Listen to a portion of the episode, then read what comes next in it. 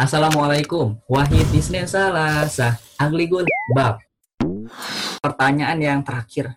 Pesan untuk para penghafal Al-Quran. Boleh ikhlas dulu, Tafadol. Pesannya yang pertama luruskan niat. Yang pertama luruskan niat karena niat ini sangat penting, berperan penting dalam kehidupan kita. Dengan niat, karena Quran itu bisa menjadi hujah bagi kita atau bisa jadi petaka bagi kita gitu. Jadi niat kita seperti apa dulu?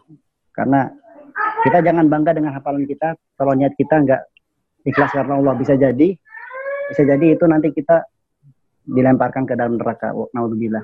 Jadi kita intinya yang pertama adalah luruskan niat kita dalam menghafal Quran. Buat apa kita menghafal Quran? Itu pesan anak. Yang pertama, yang kedua, terus menjaga Al-Quran. Jadi jangan merasa cukup ketika kita udah mungkin terus hafal 30 juz kita cukup kemudian kita nggak baca-baca lagi jangan terus kita terus mempelajari Al-Quran kita hafalkan terus kita baca-baca terus.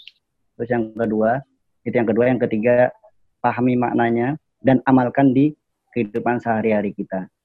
Karena kita harus mencontoh Rasulullah yang mana Rasulullah akhlaknya seperti Al-Quran maka kita juga berusaha untuk berakhlak seperti akhlak yang ada pada Al-Quran. Hmm, gitu. Kita dengan apa kita mengetahuinya? Dengan memahami maknanya juga itu kembali lagi seperti. Jadi itu aja sih nah, pesan anak.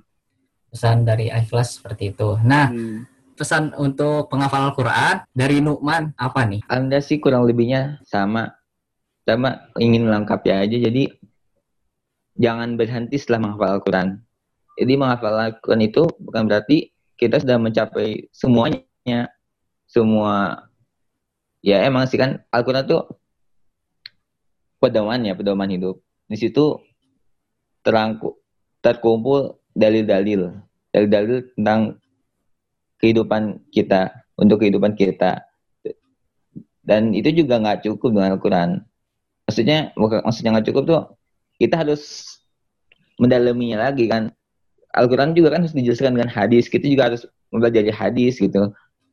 Dan kita juga mempelajari ilmu-ilmu agama yang lain supaya kita lebih paham maksud tujuan Al-Quran dan kita bisa mengamalkannya di kehidupan sehari-hari. Jadi jangan berhenti dengan menghafal Quran aja.